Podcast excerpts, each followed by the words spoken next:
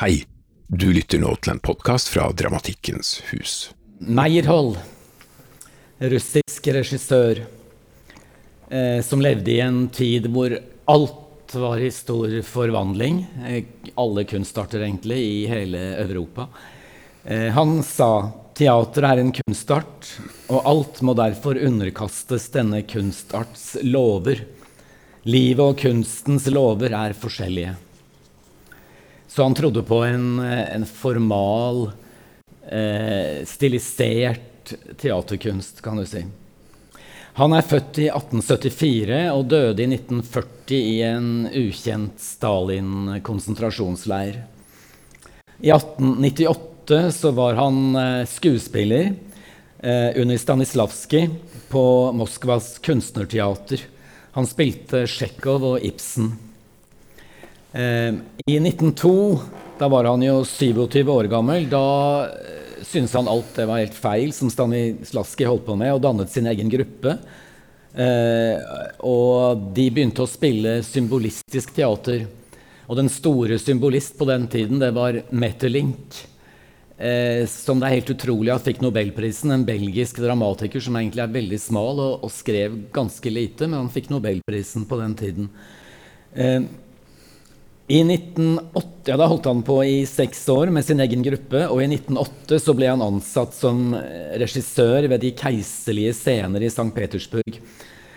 Og, og, da begynte han å gjøre opera og klassikerne, Shakespeare. Men på en, på en helt annen, annerledes måte. Han eksperimenterte veldig med scenerommet, med lyset, med scenografien.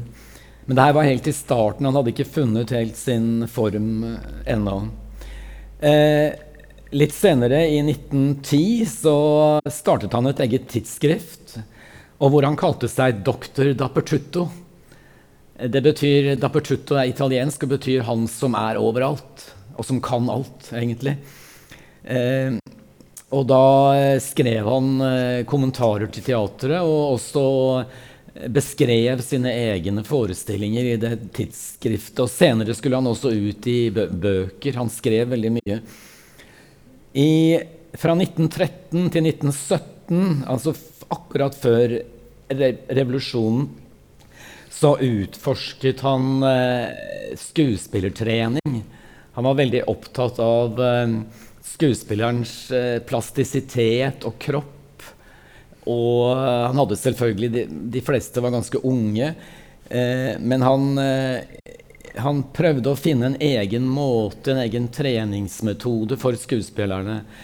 Og i 1920-årene så skapte han noe som kaltes biomekanisk trening. Som eh, var veldig inspirert av arbeiderens bevegelser ved samlebåndet. For det, var jo, det var jo en tid hvor industrien eh, var helt ny og fersk, og maskinene var, eh, kom inn i verden. Så han studerte de, oss, altså arbeiderens eh, Hvordan arbeideren ra, ra, rasjonaliserte kroppsspråket ved samlebåndet, f.eks. Men han, også, han, hadde også sett japansk nåteater og Pekingoperaen i Moskva og var veldig fascinert av den, eh, det stiliserte uttrykket som begge de eh, teaterformene hadde. Og det var også et snev av sportsøvelser. Jeg skal snakke mer om dette på og vise noe av de biomekaniske eh, øvelsene. Så kom revolusjonen i 1917. Alle, veldig mange av de rike, adelen og tsaren og alt flyktet. Fordi at de skulle da bli fratatt eiendommene sine og sånn. De dro til Paris, til New York, men også mange til Stockholm, faktisk. Eh, da gikk eh, Meyerhold fullstendig med. Han elsket det og ble da ansvarlig for agitasjonsteater, som skulle være for massene. Altså han organiserte politisk teater. Eh, og en annen som også som var 20 år yngre enn Meyerhold, det var Majakowski, som eh, var poet, men som fikk et sånn tett samarbeid med Meyerhold. Eh, han mente da at massescener krever en helt ny type skuespiller, og han opplevde også at det fantes et helt nytt publikum, altså proletaren, som vanligvis ikke gikk i teater. Og det var de han ville lage teater for. Han regisserer da Gogols satiriske satiriske revisoren og tre skuespill av Majakovskij. 'Vegglusen', 'Badstuen' og 'Mysteria Buff'. Eh, nå går jeg sånn skjematisk gjennom hans liv. Men både altså, revisoren og de skuespillene til, Majako, til Majakovskij er jo veldig kritiske til byrå, byråkrati og til pampeveldet, Og gjør narr av det, egentlig. Og det var selvfølgelig litt farlig. I 1928 eh, så kom jo Stalin til makten. Lenin dør vel. Og i 1930 allerede så griper sensuren inn. Og da hadde Meyerhold lagd konstruktivistisk teater, altså med scenografier med, med hjul og trapper og stillaser, som ikke hadde noe med stykkets tekst å gjøre. Han mislikte veldig illustrasjonsteater. Og i de scenografiene som, han, som det var billedkunstnere som lagde, så kunne egentlig et hvilket som helst stykke spilles. Og det også krevde mye mer av skuespillerens kropp å gå i trapper og stillaser og klatre og Ja. Eh, I 1930 så eh, begynner Stalin å motarbeide alle eksperimenter. Han ville at kunsten skulle være politisk og realistisk og støtte opp under eh, staten. Og i 1938, da hadde Meyerhold startet, han hadde hatt sitt eget teater lenge, da stenges hans teater, og i 1939 arresteres han og forsvinner i 1940. Og Majakolskij tar sitt eget liv. Eh, I 1968 først så ble han rehabilitert. Så Men grunn, en av grunnene til at jeg sitter her, er jo at jeg var skuespiller i, for 40 år siden i Stockholm i en biografisk forestilling om Meyerhold men også om hele den tiden. Og jeg spilte den mannlige poeten. Jeg var en slags uh, symbiose av uh, Osip Mandelstam, eh, Blokk, Majakovskij, og hadde mye tekst fra de poetene. Og jeg skal bare kjøre litt noen av bildene. Han hadde jo et utrolig sterkt ansikt. Et skikkelig skuespilleransikt. Så her ser dere noen av de scenografiene. Bildene er jo veldig gamle, så de er ganske dårlig kvalitet. Men her ser dere de konstruktivistiske eh, scenografiene. Mange av de ble laget av eh, Popova, som var en maler. Hun lagde også kostymene. Og av Tatlin. Og av Rodsjenko, som var fotograf og lagde kollasjer. Han skrev en bok, Meyerhold, eh, som han kalte det teatralske teater. Og eh, jeg skal lese litt eh, Altså Odin-teatret, som dere sikkert kjenner til, de hadde på 90-tallet, kanskje de har det fremdeles, et forlag. Og de eh, har utgitt denne boken, som er bare tek oversatt tekst av Meierhold. Um, og så fins én biografi som er gjort av en amerikansk eh, professor, Edvard Brown, som går gjennom hele Meyerhold, Meyerholds produksjoner. Og så fins det på norsk denne fantastiske serien her, eh, 'Cappelens upopulære skrifter', hvor Meyerhold har skrevet om eh, Chaplin, som han var veldig interessert i. I hans stilisering, da, selvfølgelig. I hans kunstighet. Um, Pushkin var en av de store forfatterne på den tiden. Og han, eh, han eh, sa til Meyerhold århundrets ånd krever dype endringer i scenekunsten. Og det var en veldig støtte til Meyerhold. Men det, vi, det, som er interessant, er jo den tiden Meyerhold levde i. Nå kan ikke jeg gå veldig dypt inn i det, men, men plutselig så ble kunsten abstrakt. Altså Før århundreskiftet så var alle malerier, alt var realisme. Eh, det var illustrert, det var litterært, det var, hadde masse innhold. Men så kommer Kandinsky og Mondrian og mange andre også, og Paul Klee f.eks., og lager det abstrakte bildet. Og det, det var jo Meyerhold en del av også. Hans scenografier er veldig abstrakte, egentlig. Eh, det, det, hadde Rundt århundreskiftet så var det en veldig stor bevegelse som var spirituell og, og metafysisk. Det var Teosofene var veldig store, også i Russland. Og så kom Rudolf Steiner og holdt eh, foredrag over hele Europa. I London var det 3000-4000 som kom og hørte på han, f.eks. Og Kandinsky var, var jo, levde jo i Moskva på denne tiden samtidig med Meyerhold, og han var veldig opptatt av Steiner. Og det er, det er noe som kunsthistorikeren ikke snakker så mye om, men, eh, men det var en veldig stor impuls på den tiden. At, at folk holdt på med et eller annet sånn eh, ja, nesten sånne seanser, spirituelle seanser. Og nå er jo Hilma Klint en av de store som ingen visste om på den tiden. Og hun, jo, hun drev jo med det. Eh, hvor, de hvor, de tok kontakt med de døde og tegnet de blinde og sånn. ikke sant? Det, det tror jeg ikke Kandinsky drev med, men han skrev jo en bok som heter 'Det åndelige i kunsten'. Så det er viktig å se dette her i en sammenheng. Og i, det skjedde samtidig i, i, Paris, i Tyskland, i Berlin. Bauhaus var jo også en slags spirituell bevegelse med Johannes Itten, som var, eh, som var eh, fargeekspert og skrev bøker om farge, basert veldig mye på Goethes fargelære, hvor hver farge har et slags åndelig innhold.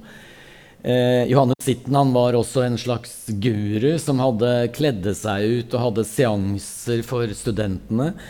Eh, mystiske ting, ritualer. Og han fikk sparken pga. det etter hvert. Og flyttet til Sveits, inn i et kollektiv der. Men Meyerhold hadde veldig stor kunnskap om, om alle de her spirituelle bevegelsene som var på den tiden. Og så døde de litt hen på 20-tallet, men akkurat rundt 1900 og frem til 1920-25 Steiner dør i 25. Da, da, var dette her en veldig stor eh, bevegelse som også skapte det abstrakte maleriet. Eh, som, som, da ble sett på som mye mer åndelig enn en det figurative bildet. Og en av de største innenfor det er jo Malevich som da lagde Og han lagde også scenografi til Meyerhold. Han gikk så langt at han lagde Den sorte firkant. Og kalte det nesten sånn gudsbilde. Et ikon. Så det er, å, det er helt umulig å forstå hvorfor alle disse forandringene skjedde ak akkurat da. Det er, det er, for meg er det helt umulig å forstå, for det var en enorm forandring. Og Picasso begynte med kubisme. ikke sant? Alle, alle, søkte nye former, og de fleste ville jobbe helt abstrakt. De ha, det skulle ikke handle om uh, å kommentere eller illustrere hverdagen eller virkeligheten utenfor atelieret. Det er utrolig spennende tid, men som er så kompleks. Og det er, det er helt umulig å forstå hvorfor det skjedde akkurat da. Og, og, men det, kanskje det hadde noe med industrien å gjøre, og maskinen og alt det der. Men det er jo det motsatte av det her eh, teosofene og det spirituelle, egentlig. Så det, det var en sånn merkelig blanding. Så eh, Meyerhold sa 'fjern alle illu illusjoner'. Jeg vil lage et billedteater, et fysisk teater. Han var anti-Stanislavskij. Han sa 'jeg vil få borgerskapet til å måpe'. Jeg vil fordrive det banale fra scenen. Han, eh, han startet en teaterskole i Moskva. Eh, altså det her var før Stalin kom. Eh, alt dette skjedde under Lenin og etter 1917. I, eh, det er litt sånn fragmentarisk, det jeg snakker om nå, men eh, dette huset dere ser her, det er eh, Meyerhold-arkivet i Moskva. Og eh, når jeg jobbet i Stockholm fra 80 til 83 som skuespiller, så ble jeg jo veldig satt inn i denne tiden. Vi brukte et halvt år nesten på, før vi hadde premiere, på å studere eh, russisk avantgarde. Og hadde, I Stockholm bor det en del eksperter. Eh, Gunnar Harding annet, som har oversatt veldig mye russisk eh, poesi.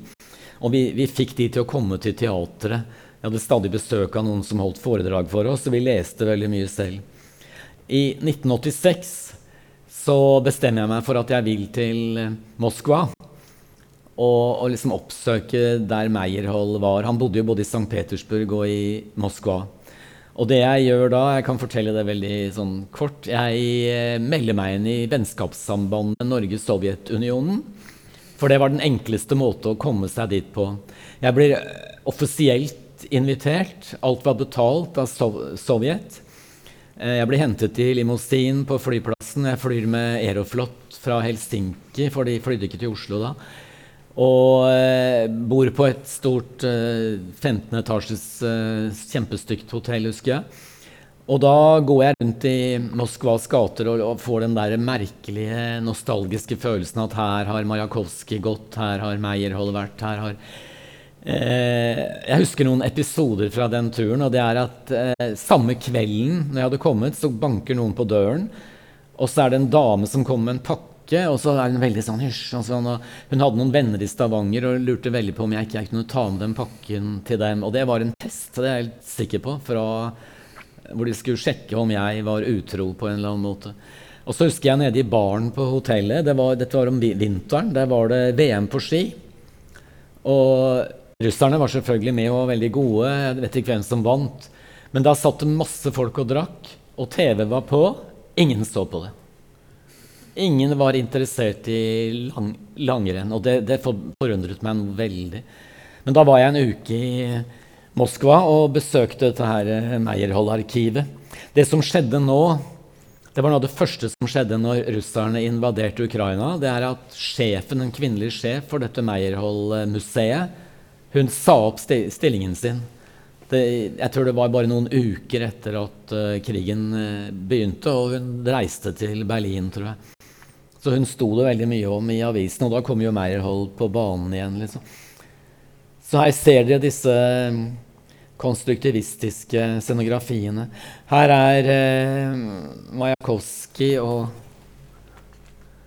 Majakovskij i midten ja, og Meyerhold på siden der. Og så er det en, eh, et foto av um, Rodsjenko. Her er et rollebilde av Meyerhold er noen tegninger. Meyerhold som litt eldre. Dette er også et rollebilde. Det er ingen som lager sånn teater nå i dag. Nesten ingen. Det eneste jeg har funnet ut av, den eneste arvtaker kanskje etter Meyerhold, er Wilson, Robert Wilson, som jobber med abstrakte scenografier, særlig Einstein on the Beach, som var masse stillaser og ja, funksjonell, funksjonell scenografi, hvor man kunne klatre og gå og sånn. Og så jobber han med veldig stiliserte bevegelser som ikke illustrerer noe. Han, han, jo, han kan jo, skuespillerne kan jo stå og gjøre sånn, ikke sant, mens de sier en tekst og, og, som ikke har noe med teksten å gjøre. Og det, det, ligner Det er den eneste jeg kan tenke meg som har noe Som liksom har ført den, eh, det formale og det der fysiske kroppsspråket videre. Også, hvor det også er et kroppsspråk som ikke har noe med teksten å gjøre, egentlig. Man kan gjøre den samme koreografien til Hamlet eller til Beckett. Eller, ikke? Det, det er, eh, den er liksom adskilt fra tekstens innhold. Koreografien handler ikke om, om stykket eller rollen. Og sånn jobber Wilson også. Og det eh, Ja, nå hopper jeg litt tilbake. I 1902 så danner Meyerhold Selskapet for det nye dramaet. Det var hans egen teatergruppe, og han, han fikk tak i Han hadde 27 skuespillere i den uh, slags frigruppe. Og de reiser masse rundt i det enorme landet. Uh, og, uh, og, påvirker da masse teaterskoler rundt på, i, i, byer over hele Russland til å, å jobbe mer med fysisk teater, kan du si. Og de spiller bl.a. Ibsen, og de spiller Hamsun. Altså Hamsun var veldig hot på den tiden her i Russland. romanene hans, men Hamsun skrev også skuespill. Og de har jeg aldri le lest, og jeg, de blir jo aldri spilt. Så det er veldig merkelig. De kan ikke være så gode. Ellers hadde vel Nationaltheatret spilt det de om igjen og om igjen. Eh, han sier at ny dramatikk krever en ny scenografi, og scenografien skal være veldig tett opp til billedkunst. Han eh, Vera Komisarjevska, hun var teatersjef og en av de største legendariske skuespillere.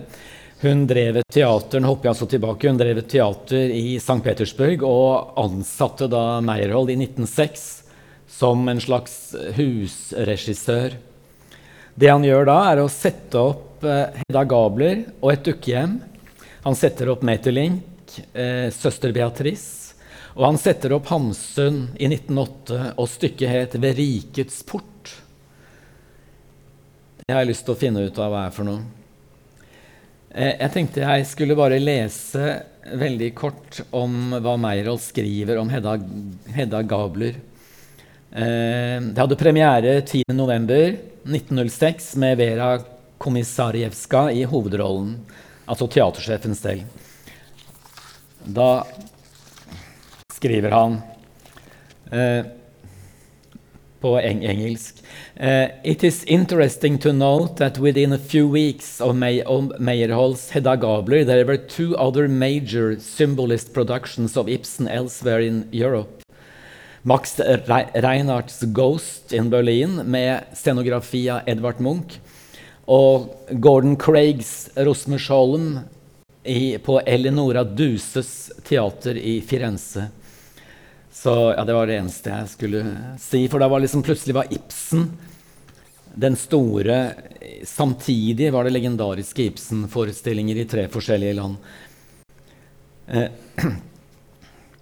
han eh, satte opp masse teater. Han satte opp eh, Andrejev, Bloch, Molière, Calderón, Lermontov og også Prysbysjevskij. Han kjenner dere sikkert til. Han var jo eh, sammen med Oda Krog og bodde med, med Munch eh, og Strindberg og sånn i Berlin. Han var en polsk poet, men han skrev teater også. Det var jeg ikke helt klar over.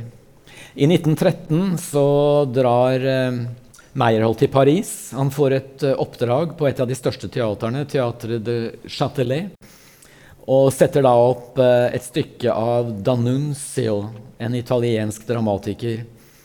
Og da var det en uh, billedkunstner som het Bakst, som gjorde scenografi og kostymer.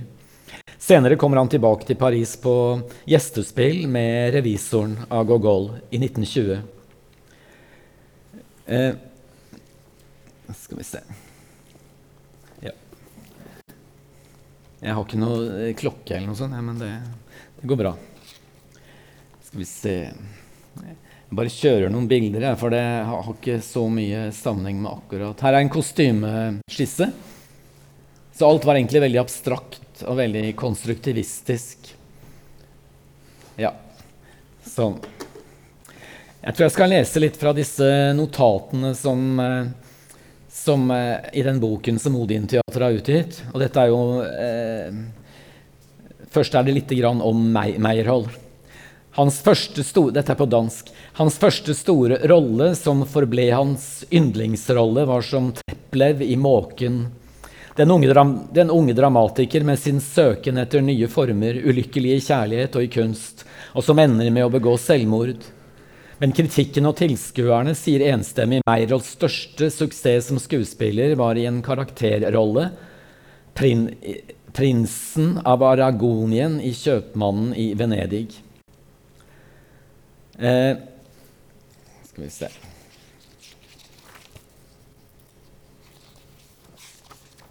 Men han, Meyerhold eh, forbandt seg veldig med Treplev hos Tsjekhov. Og Tsjekhov levde jo da på denne tiden.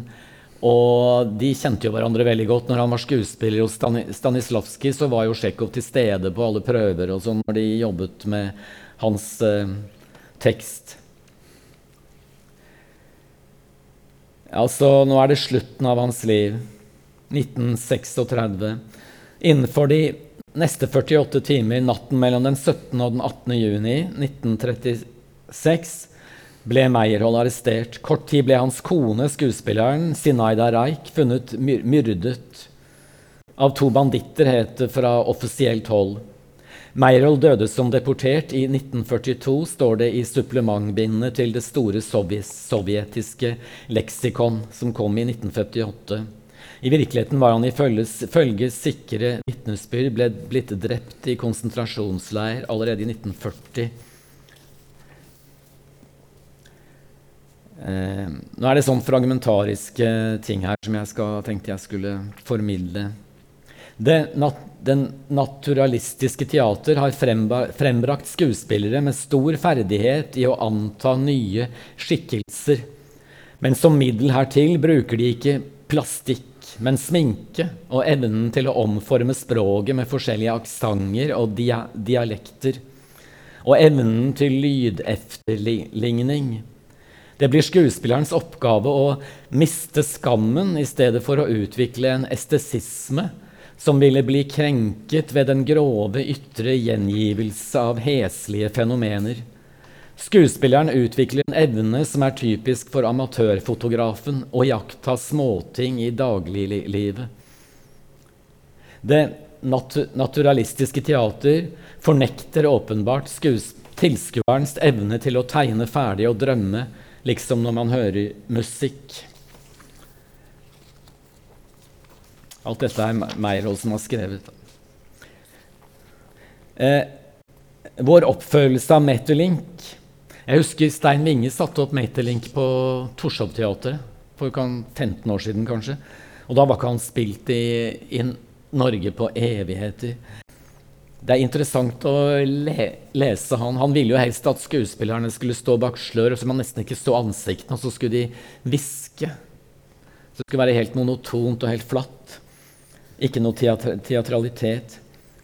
Eh, vår oppfølelse av Metterlink forsøker å gjøre et like så forsonende inntrykk på tilskuerens sjel som forfatteren selv ønsket.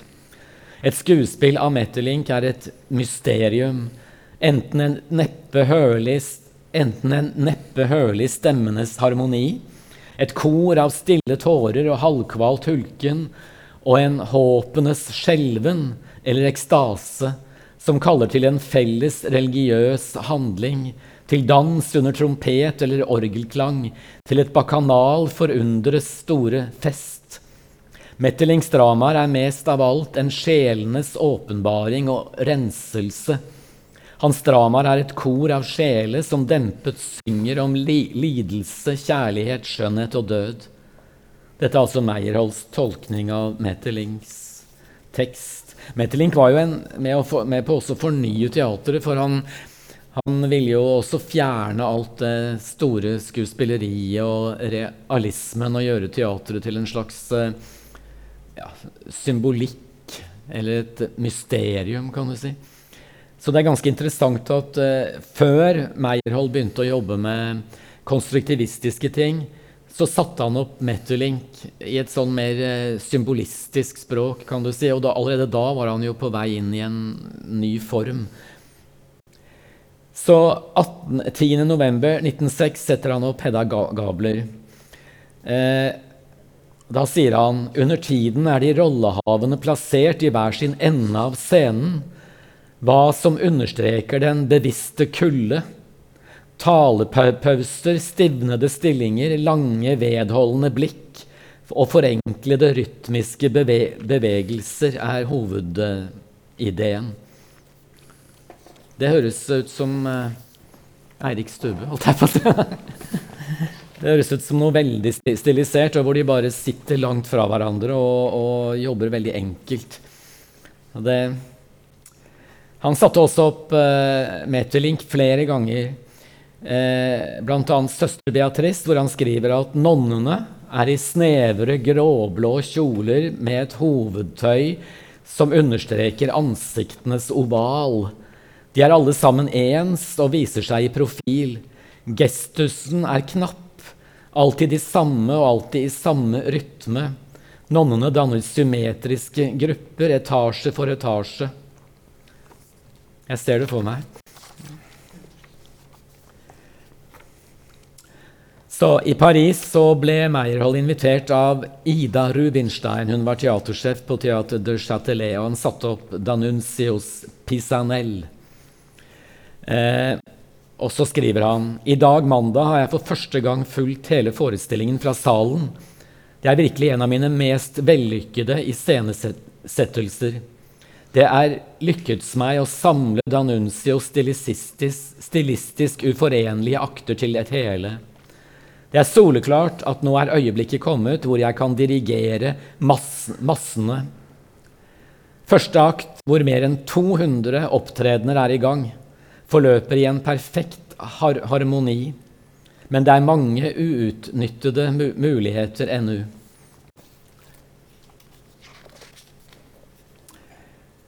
Så har han noen eh, notater om skuespilleren.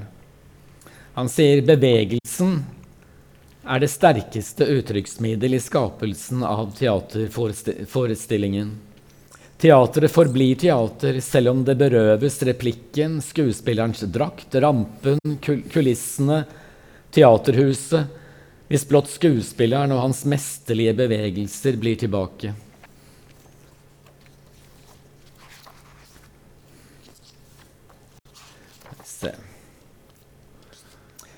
Ja, her snakker han om eh, arbeiderens bevegelser som ble en del av det biomekaniske treningen. Hvis vi, hvis vi betrakter en erfaren arbeiders arbeide, ser vi i hans bevegelser 1. At det ikke forekommer noen ikke-produktive bevegelser. 2. En rytmisk karakter. 3. Riktig plassering av tyngdepunktet i hans kropp. Fire utholdenhet. Bevegelser som er basert på disse prinsipper, utmerker seg ved deres dansante preg. En erfaren arbeiders arbeide minner alltid om en dans. Her står arbeidet på grensen til kunsten. Synet av et menneske som arbeider riktig, gir alltid en viss tilfredsstillelse. Det var en hyllest til arbeideren. Han skriver også at psykologien kan i en rekke spørsmål ikke nå til en klar løsning. Å bygge teatrets bygning på psykologiens fundamenter er å bygge et hus på sandgrunn som styrter uunngåelig sammen.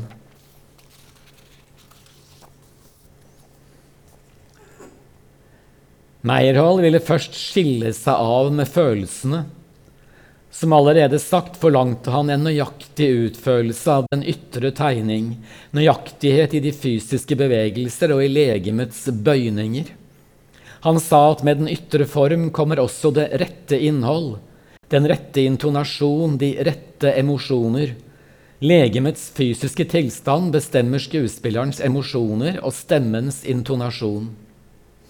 Ved stimulering forsto han skuespillerens evne til i sanser, bevegelser og ord å oppfatte de utenfra stilte oppgaver. Den skuespiller som skal fremstille forskrekkelse, skal ikke først bli forskrekket og gjennomleve det, og deretter løpe vekk. Han skal først løpe vekk og deretter bli forskrekket. Så han, han, veldig, han, eh, han sa også f.eks. at hvis du hvis du er veldig trist, hvis uh, mannen din er død, så prøv å finne en stilling å sitte i som handler om sorg. Og gjennom å sette deg i den stillingen, så vil du oppleve sorgen. Og det der er kjempeinteressant, syns jeg. Jeg har jobbet ganske mye sånn med, når jeg har jobbet på institusjonsteaterne. Det, altså, gjør, gjør noe som, som uh, som inneholder den følelsen du skal uttrykke. Finn en handling som inneholder den følelsen, og så kommer uttrykket ut fra det. Og selvfølgelig også hvis man er veldig fysisk, så får man en annen stemme. En mer naturlig stemme som tilhører kroppen, enn hvis man bare sitter i en stol eller står rett opp og ned. I 1936 var det en stor teaterkonferanse i Moskva.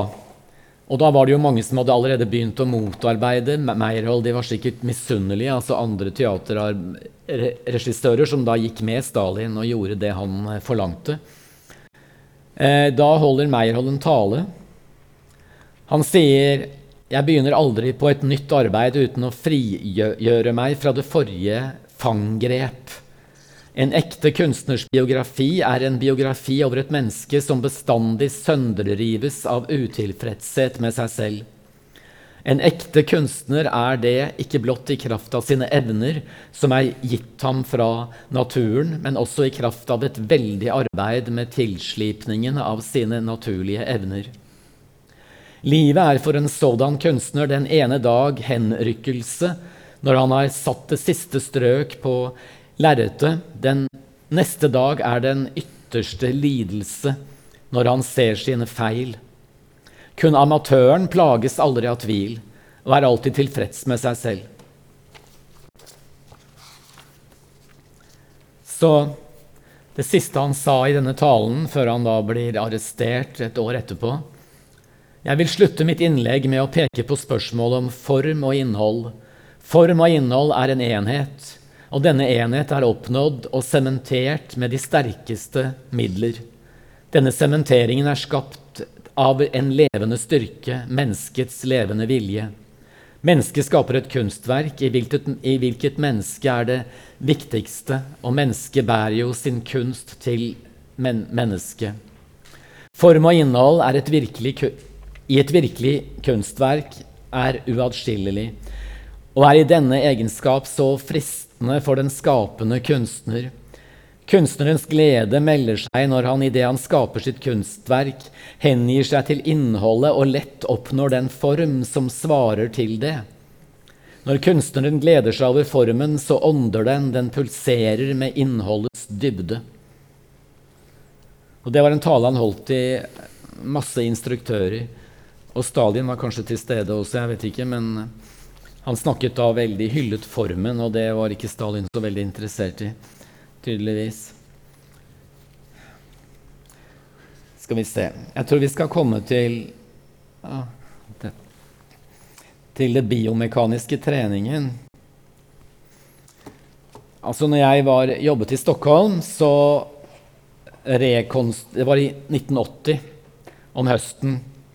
Noe av det første vi gjorde, var å rekonstruere eh, bio, biomekanikken ut fra foto. Det fins en veldig veldig kort video på YouTube, men den er, den er, helt sånn Den er umulig å få noe ut av, egentlig. Og så fins det mange videoer av f.eks. amerikanske folk på universitetet som prøver å gjøre biomekanikk som bare ser ut som en parodi. Som, som, for de er ikke veltrente. Det er sånn slapt og helt merkelig. Men det biomekaniske handlet alltid om at kroppen er i en motsetning. Det er en dobbelthet. Så er, når du står på en scene, skal du aldri være sånn. Du skal alltid ha en, eh, en spenning. Det er mye, mye, mye, mer spennende hvis jeg står sånn, enn, en hvis jeg er endimensjonal. Og det, det, altså det, biomekaniske prinsippet er helt ekstremt i den retningen. Da, at det er torsoen vender én vei og hoftene en annen vei. og altså kroppen er, er, helt i forskjellige posisjoner, kan du si. Og ofte veldig vanskelige posisjoner i sånn stor balanse. Så det her er jo en, eh, en øvelse som jeg, jeg, har Det er 40 år siden jeg gjorde det, dette her, men eh, jeg skal vise Vi hadde engelske titler på det, 'Throwing the Stone'. Så alle øvelsene begynner med en daktyl. Og den er sånn.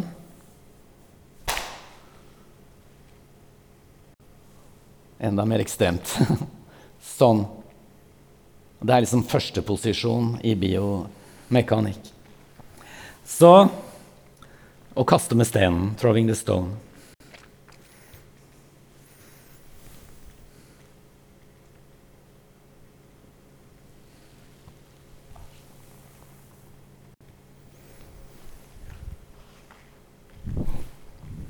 Skal vi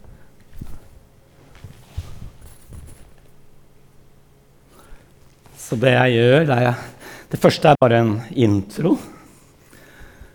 Det er en intro, ikke sant?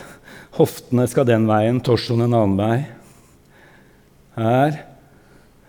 Alltid ekstremt, se over skulderen, presse liksom bevegelsene til det ekstreme. Jeg henter stenen. Da kommer en annen del av kroppen opp, selvfølgelig, når jeg går ned. Stenen er tung. Den drar meg bakover. Jeg kaster stenen, og jeg lytter til hvor den faller. Jeg tror det var nesten riktig.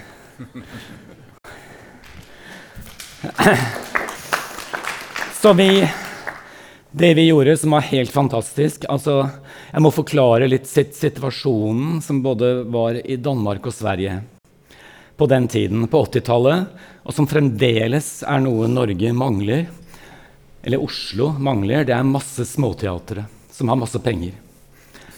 I, I Stockholm så var det selvfølgelig de store teaterne. Så var det noe som ligner på Black Box, hvor alle kunne leie seg inn. Og sånn. Og så var det seks-syv frie grupper som hadde sin egen scene. Sin egen administrasjon, ansatte teknikere, eh, profesjonelle skuespillere. Det var f.eks. Teater 9, Pistolteateren, Teater Evrora, som var drevet av Hilda Helvig, eh, Orionteateren, Jordsirkus. Alle disse her de hadde sine egne scener hvor de kunne spille, og det kom masse folk. Og de, og de hadde produsenter, de hadde, altså de hadde penger. I Oslo fins jo ikke det i dag. I København er det jo masse sånne Husets Teater, Kaféteater, Mongo Park, Doktor Dante, Kaleidoskop, hva de heter alle sammen. Det er egne små scener. Det er, det er så tragisk med det landet her at vi ikke har det mellomsjiktet. Eh, vi har bare de store institusjonene, og så har vi black box. Liksom som ikke er en, ikke er en scene med, som produserer. Det er et gjestespillteater, kan du si. Og det mangler i Oslo. Det er helt utrolig at vi ikke har det. Det fins i alle byer. I Paris, i London i, eh, Og hvis man drar til København i dag, så er det et enormt sånn utbud av små teatre. Egne scener. Og Teater Sharazad, som jeg jobbet med da. Og jeg mislikte det navnet så veldig, for det er så romantisk. Og vi lager jo avantgarde-teater. Det er sånn 1001 natt og sånn. Det var liksom helt feil. Men de hadde jo hett, hett det en stund, da. Men vi hadde jo vi hadde to prøvelokaler, et verksted. Vi hadde to produsenter ansatt. En eh, altmuligmann som var sjåfør, snekker, lysmann. Eh, vi fikk bra betalt. Eh, og regissøren, Wilhelm Karlsson, var jo utdannet regissør, så det var ikke en sånn vanlig frigruppe. Altså de, veldig mange hadde en sånn offisiell teaterutdannelse. Det var to dansere, vi var syv skuespillere. Og dere lurer sikkert på hvordan jeg kom borti det der. Og det er fordi at jeg eh, hadde vært mye på Odin-teatret, på um, seminarer. Sånn i 78-79. Og jeg hadde danset veldig mye. Var jo, senere var jeg med i Collage dansekompani, jobbet som danser i Holland. og sånn. Så jeg var veldig trent. Og når jeg var på Odin-teatret, så ble jeg jo kjent med skuespillerne der. Og en av de var Tom Fjorefalk, en svenske. Han var tolv år i Odin-teatret. Alle dere kjenner Odin-teatret, selvfølgelig. Og da, da når de trengte en ny skuespiller til De hadde bestemt seg for å gjøre en Meyerhold en, en, forestilling om hans samtid, men liksom rundt Meyerholds biografi, kan du si. da. Men som også handlet om hele samtiden. Eh, så trengte de en poet som var sprek. Og så fikk jeg plutselig et Jeg hadde da kommet inn på Kunstakademiet høsten 1980 og hadde gått da fram et år.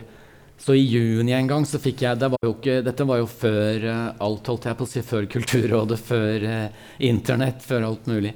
Så da fikk jeg et telegram, en mann som kom og banket på et telegram, og så sto det at vi har et tilbud til deg, vi har en rolle til deg i, i Stockholm. Og jeg bare tok permisjon på akademiet og dro til Stockholm med en gang.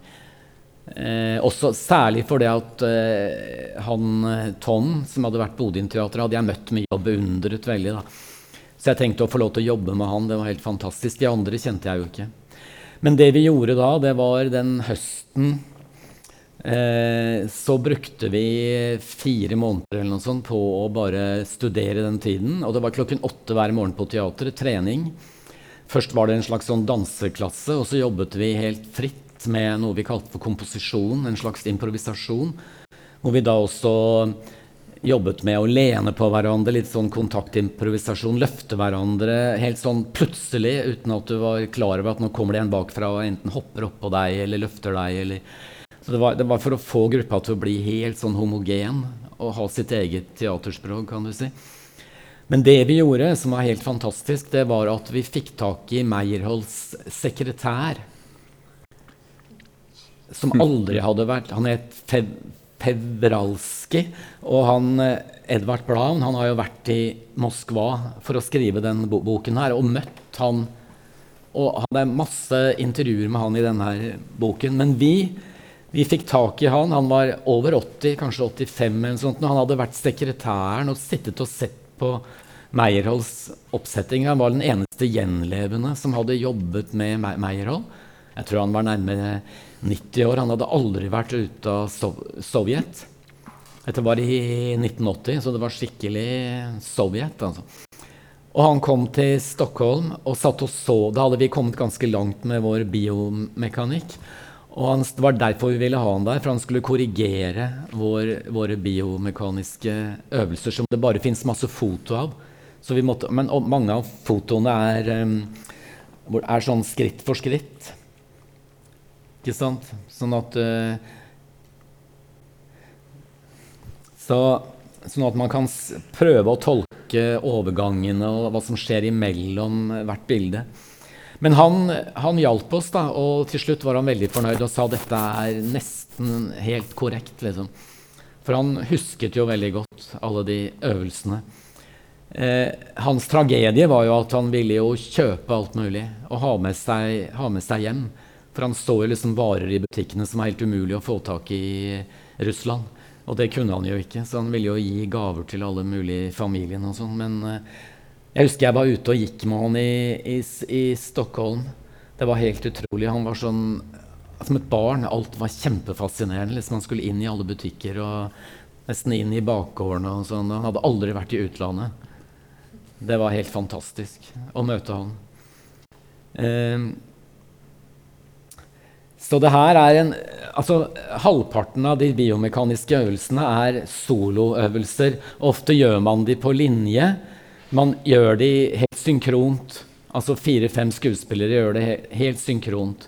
Og da brukte vi en, en sånn rytme eh, i det som vi liksom sa ta, ta, tikki, ta. Vi hadde en sånn rytme som vi sa i starten. Men også halvparten av øvelsene er duoer. Og det, alle er helt konkrete. Det er skyte med pil og bue. Det er, det er, det er veldig brutale, noen av de. 'Stabbing the dagger'. Så den, den, dere ser her, det er 'stabbing the dagger'.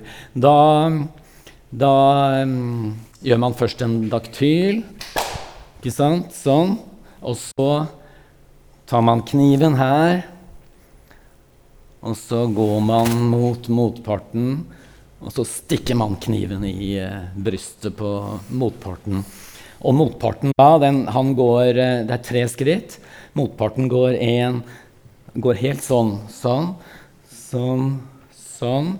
Og så leng, lengst mulig bak ikke sant, og får kniven. Og når han får kniven her, så sier den som har fått kniven, ha! Og så, og så havner man sånn, begge to. Og noen av, noen av, øvelsene er også veldig akrobatiske, som jeg faktisk fikk til. Du hopper opp, du kommer bakfra, og så går den ene, han som står foran, han går ned sånn. Og så hopper du opp på ryggen til han andre, og så tar du en salto ned fra ryggen. Det gjorde vi faktisk. Og da slo jeg knærne i haka og måtte sy seks ting under haka. Ja. Men uh, ja, her er 'stabbing the dagger'. Her er den uh, som jeg sa nå. Hoppe opp på ryggen og ta sal salto ned. Ja. Og det, han gjorde det med sånne massescener, kanskje 100 stykker på scenen, som gjorde det helt synkront. ikke sant?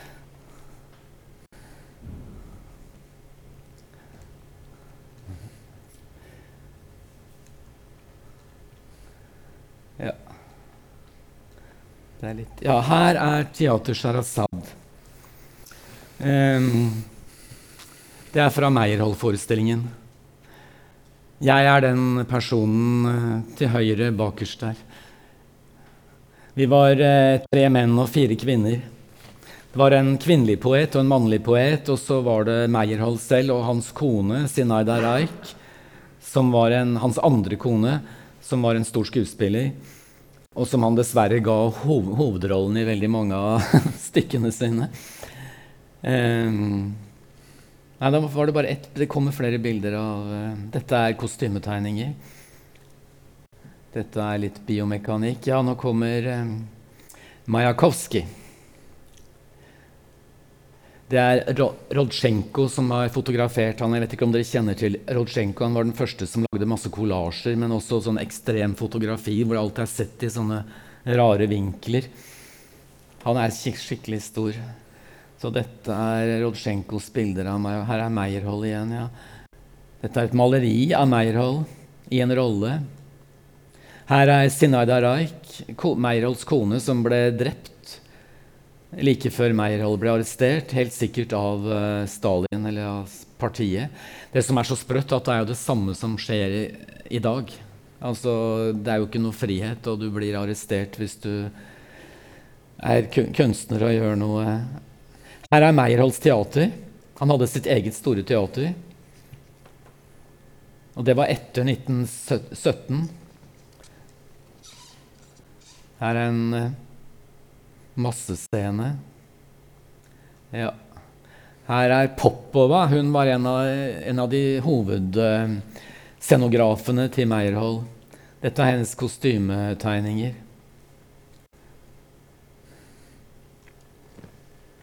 Så alt, alt, var veldig stilisert. Var, det var ikke noe hverdagsklær, kan du si. Alt var konstruert.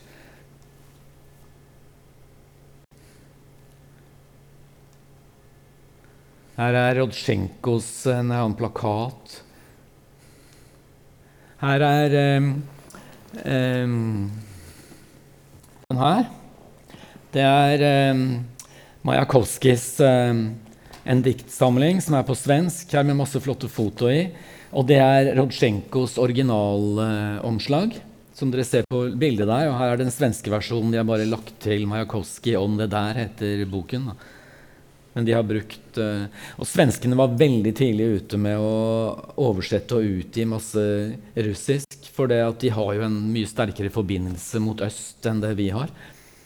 Også liksom beliggenheten, men også historisk. Det,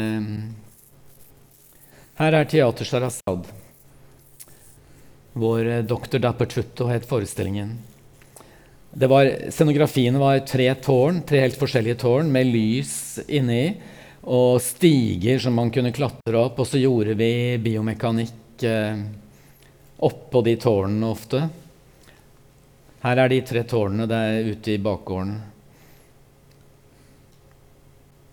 Her er jeg på toppen av eh, Tom Fjordefalk, den Odin-teaterskuespilleren. Jeg er uh, Maja, Majakovskij som uh, prøver å herje med han og leke med han. Her bygger vi scenografien. Vi hadde, vi hadde, så mye penger i teateret. hadde så mye penger, altså Det er helt utrolig. Vi hadde en italiensk produsent som hadde vært sjef for en teaterfestival i Italia. Som jobbet for oss i, iallfall i to år og som la en firemåneders turné i Italia for oss. Og så hadde vi en annen produsent som holdt på med Norden, så vi spilte jo på Trøndelag Teater og i Oslo. Og på, i 1980 i Oslo så var det to scener. Det var Hø Høvikodden, og så var det Munch-museet. Inni den salen hvor de her solen og de der hang. Og Der var det jo betong, eller steingulv. Der var det masse danseforestillinger. Sånn. Det var jo ikke noe blackbox og sånn på den tiden. Ingen, ingen, andre, altså Nesten alle frigrupper spilte på Munch-museet med litt, kanskje 2000 kroner i støtte fra Oslo kommune. Og i Oslo så var det jo sånn at frigruppene hvis du fikk, da, Det var jo før Kulturrådet. Da var det Kulturdepartementet som ga litt småpenger til fri scenekunst. Og du, hvis du fikk 200 000, så var det jo, det var jo helt fantastisk. Så det, og så kommer du til Stockholm, hvor de har millioner og masse ansatte og egne scener. og sånn. Det er var litt av en kontrast, altså.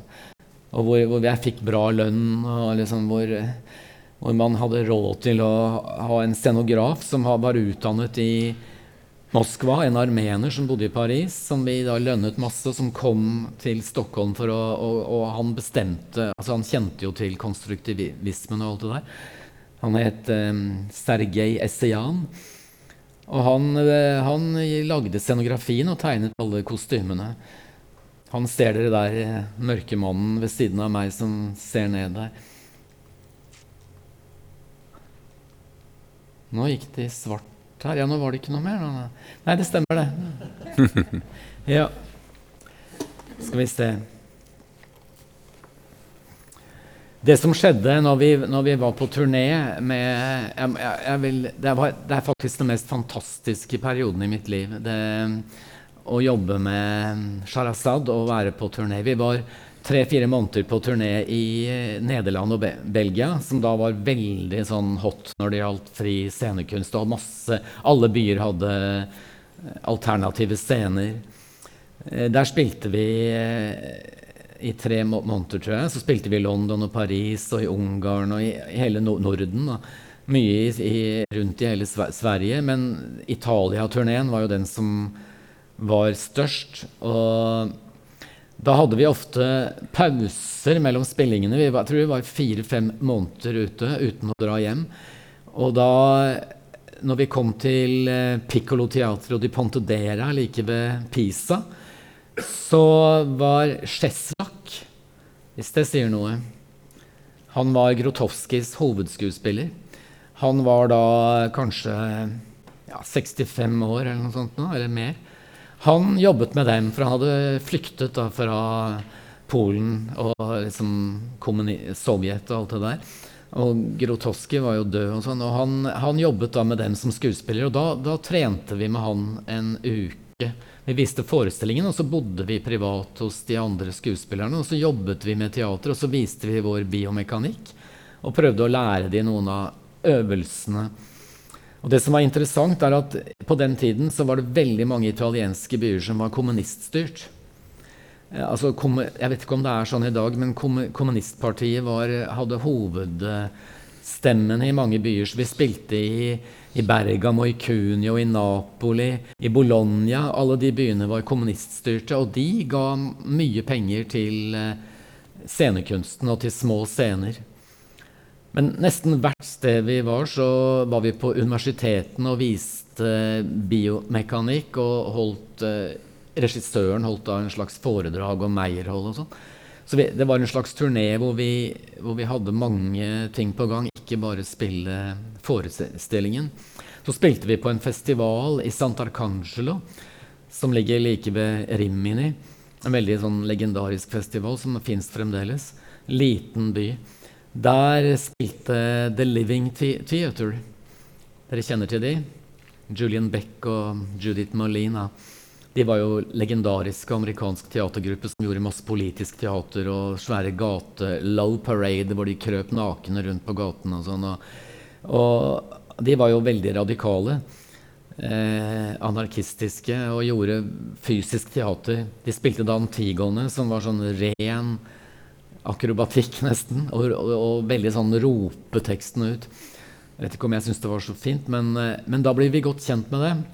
Og de holdt da til i Fellinis studio på Cinecittà i Roma. De bodde i, i, Roma. Da blir vi invitert dit, og så jobbet vi ja, ti dager med dem. Eller sånt, og trente med dem hver morgen, diskuterte, spiste med dem, viste vår biomekanikk og sånn. Det, det, var en helt utrolig turné. Altså. Det, en som var med på turneen, som er litt morsomt, da, det var Robin. Dere kjenner Robin, den store svenske popstjernen? 'Dancing on my own' og alt det der. Altså, hennes far var eh, regissøren, og en av skuespillerne var moren. Så Robin var fem år og var med på turné. Og jeg, jeg er fremdeles venn med henne. Men uh, hun er jo blitt en stor stjerne. Og veldig sånn respektert. Men når vi kjørte rundt eh, På den tiden var det jo David Bowie. Var, han var den store, liksom. Så vi, vi hadde, det vi hadde, var Vi hadde en stor Vi hadde to Mercedeser. Vi hadde en Mercedes-buss med plass til alle skuespillerne. Alle, vi hadde med barnepike også. Og så hadde vi en Mercedes til, som var scenografien.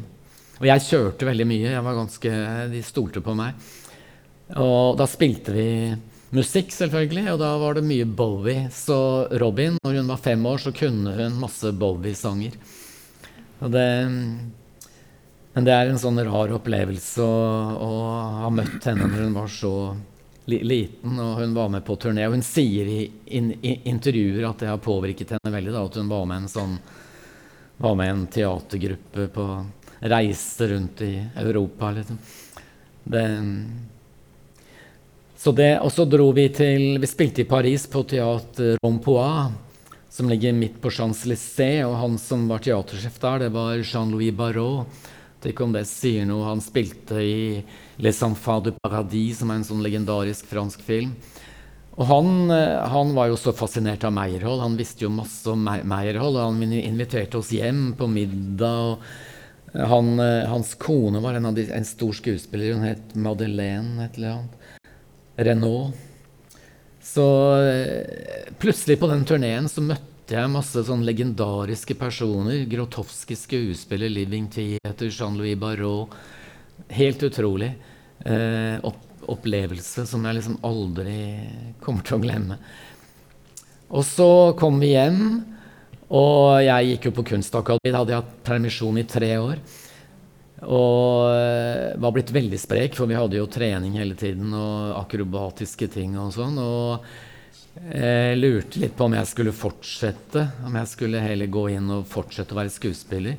Men da hadde den Dr. Dapetutto vært sånn kjempesuksess eh, i Europa. Og, og, neste forestilling, det var Robinson. Altså Robinson Crusoe, men ikke, ikke han Defoes bok. Det er en annen som har skrevet en bok som handler mest om fredag. Husker jeg ikke hva han heter. Veldig bra bok. Men eh, da, skulle jeg, da skulle jeg være en sånn masse forskjellige dyr på den øya. og det var signalet for meg. Nei, jeg skal, til, jeg skal fortsette på Kunstakademiet. Jeg skal ikke spille geit på en øde øy. Liksom. Så da eh, Da dro jeg hjem. Og mens jeg gikk på akademiet, så begynte jeg da å lage forestillinger. Og i 1985, da var jeg akkurat ferdig, da startet jeg Passasje Nord eh, teater, eller Passasje Nord-prosjekt, og lagde da forestillinger som var veldig fysiske og objektbasert. Altså visuelle. Veien mellom vann og tørst og et mellomspill. Og, ja. Eh, som det gikk ganske bra for. Vi spilte rundt i Europa og sånn. Og, og, men etter en stund så ville jeg videre og tenkte hva er neste skritt da, når jeg jobbet så koreografisk? Og jeg var alltid på scenen selv. da.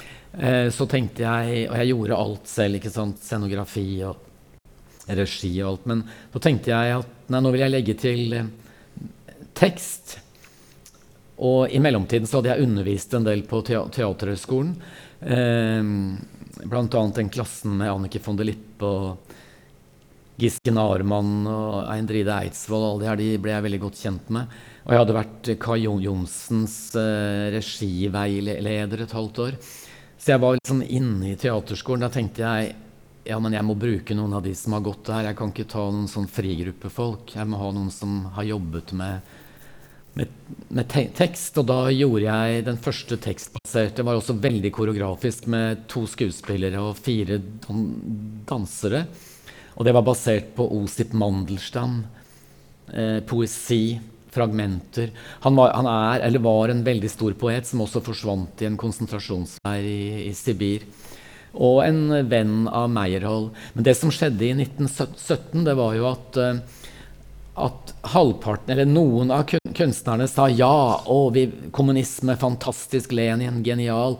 Mens andre, Pasternak og Mandelstam og alle de her, de holdt seg litt i bakgrunnen. De var veldig tvilende til det der å kaste ut borgerskapet av husene og alt det der. Så det, det, var liksom Kunstnerne delte seg i to, men Meyerhold var helt med. Eh, han var kommunist i det siste, liksom. Men, det, men, da begynte jeg å jobbe med te tekst, eh, og da jobbet jeg med teaterskoleutdannede folk, ganske unge. Og da ble jeg i det frie miljøet ble jeg sett på som en sviker. For det var jo, på den tiden så var det sånn hatforhold mellom institusjonene og den frie scenekunsten. fordi at uh, institusjonene fikk alle pengene, og de frie fikk 100 000 i året og sånn, ikke sant? Eller 200 kanskje, hvis de var heldige. Så det var en sånn uh, forakt blant de frie, ikke alle da, men veldig mange, uh, som snakket dritt om det de spilte på institusjonene og sånn. Og når jeg da spilte på Blackbox med teaterskoleutdannede folk, så var jeg jo Det var helt feil på den tiden. Så det var litt morsomt. Det syns jeg var bare gøy. Det brydde jeg meg ikke noe om. Men uh, det som skjedde da, var at jeg fikk uh, regijobber på institusjonene. Uh, uten å ha gått på noen teaterskole. Men, så jeg begynte da å jobbe på Norske Teatre på 90-tallet og gjorde både koreografi til store oppsettinger på hovedscenen, Antigone, som Bentein Bolsen gjorde, og og jeg gjorde 'Vårnatta' Vesaas, og jeg gjorde 'Tsjekhov' og Katarina Frostenson og mange forestillinger. Da. Og det, det var eh, også litt merkelig, for jeg følte at jeg ikke tilhørte der. Jeg, var, jeg, skulle egentlig være utenfor, og det valget har jeg tatt nå, da, etter, etter å ha gjort ganske mange institusjonsjobber, at jeg vil, være, jeg vil gjøre performance. Liksom. Eh, det, men det jeg alltid har jobbet med, da, det er Jeg har jobbet veldig koreografisk. Og jeg har alltid jobbet med bevegelser som er eh, abrupte og holdt tilbake. Altså Som aldri er Ikke sånn Cunningham som er sånn, ikke sant? Som er bare at Bevegelsene går ut i rommet, og du, du kaster liksom linjene ut i rommet. Jeg jobbet helt mo motsatt. Jobbet med sånne, sånne forvridde ting. Og at, at man eh, at man liksom, armen skal egentlig gå dit, men den, du skal stoppe den før den går dit, og ta den tilbake, kanskje. Så, sånne ting har jeg jobbet med. Og det har nok noe med Meyerhold For Meyerhold var veldig opptatt av motsetningene i kroppen. Og jeg har også alltid sagt når jeg jobber på institusjonene, at ikke, ikke, ikke stå sånn. Altså, ha alltid noe, en spenning, en motsetning i eh, kroppen. Bare en liten ting at skulderen vil litt grann den veien, eller Og det Det er interessant for veldig mange. Syns det er kjempefint. Og noen tenker ja, men jeg vil være fri. Jeg vil ikke, jeg vil ikke ha sånne regler og føle jeg vil kunne gjøre akkurat hva jeg vil når jeg står på scenen. Liksom. Og det, og jeg jobbet, når jeg jobbet med Vårnatt, eh, jeg dramatiserte det, så Eh, så det var jo første gang jeg jobbet på institusjoner. Da hadde jeg alle mulige Ståle Bjørnøv og Ragnhild Hilt og noen unge skuespillere. Hele spekteret av aldre. Eirik Øksnes og hele Masse forskjellige aldre. Og da det jeg begynte med da, det var å, at hver rolle Jeg jobbet alene med en og en eh, skuespiller noen timer, og hver rolle hadde da eh, laget jeg fem-seks gester som tilhørte rollen som, kunne, som, vi kunne bruke gjennom hele stykket. stykket. Husker en av de hadde en sånn greie, og noen, noen hadde liksom uh, noe sånt som var ja, litt sånn koreografisk, og så skulle de huske de. Og da hendte det når vi hadde prøver, så sier en av skuespillerne Men nå kan jeg ta toeren. Når jeg, sier, når jeg sier det her nå, kan jeg ta toeren. Og da var liksom toeren var kanskje den der, ikke sant? Og det var, det var, det var en helt annen måte å arbeide på. Ikke? Og da Alt var abstrakt. altså hele, Det er jo et hus i, i Telemark, holdt jeg på å si, og da gjorde jeg Jeg hadde vært i Japan. da, Jeg har jo, jeg, har jo, jeg kan ikke snakke om all min Nå må vi snart uh, slutte, tror jeg. Men jeg har jo jobbet med nåteater, regissert nåteater og studert butodans i Japan et halvt år, så det har også preget meg veldig. da. Det var før jeg begynte å jobbe på institusjonene.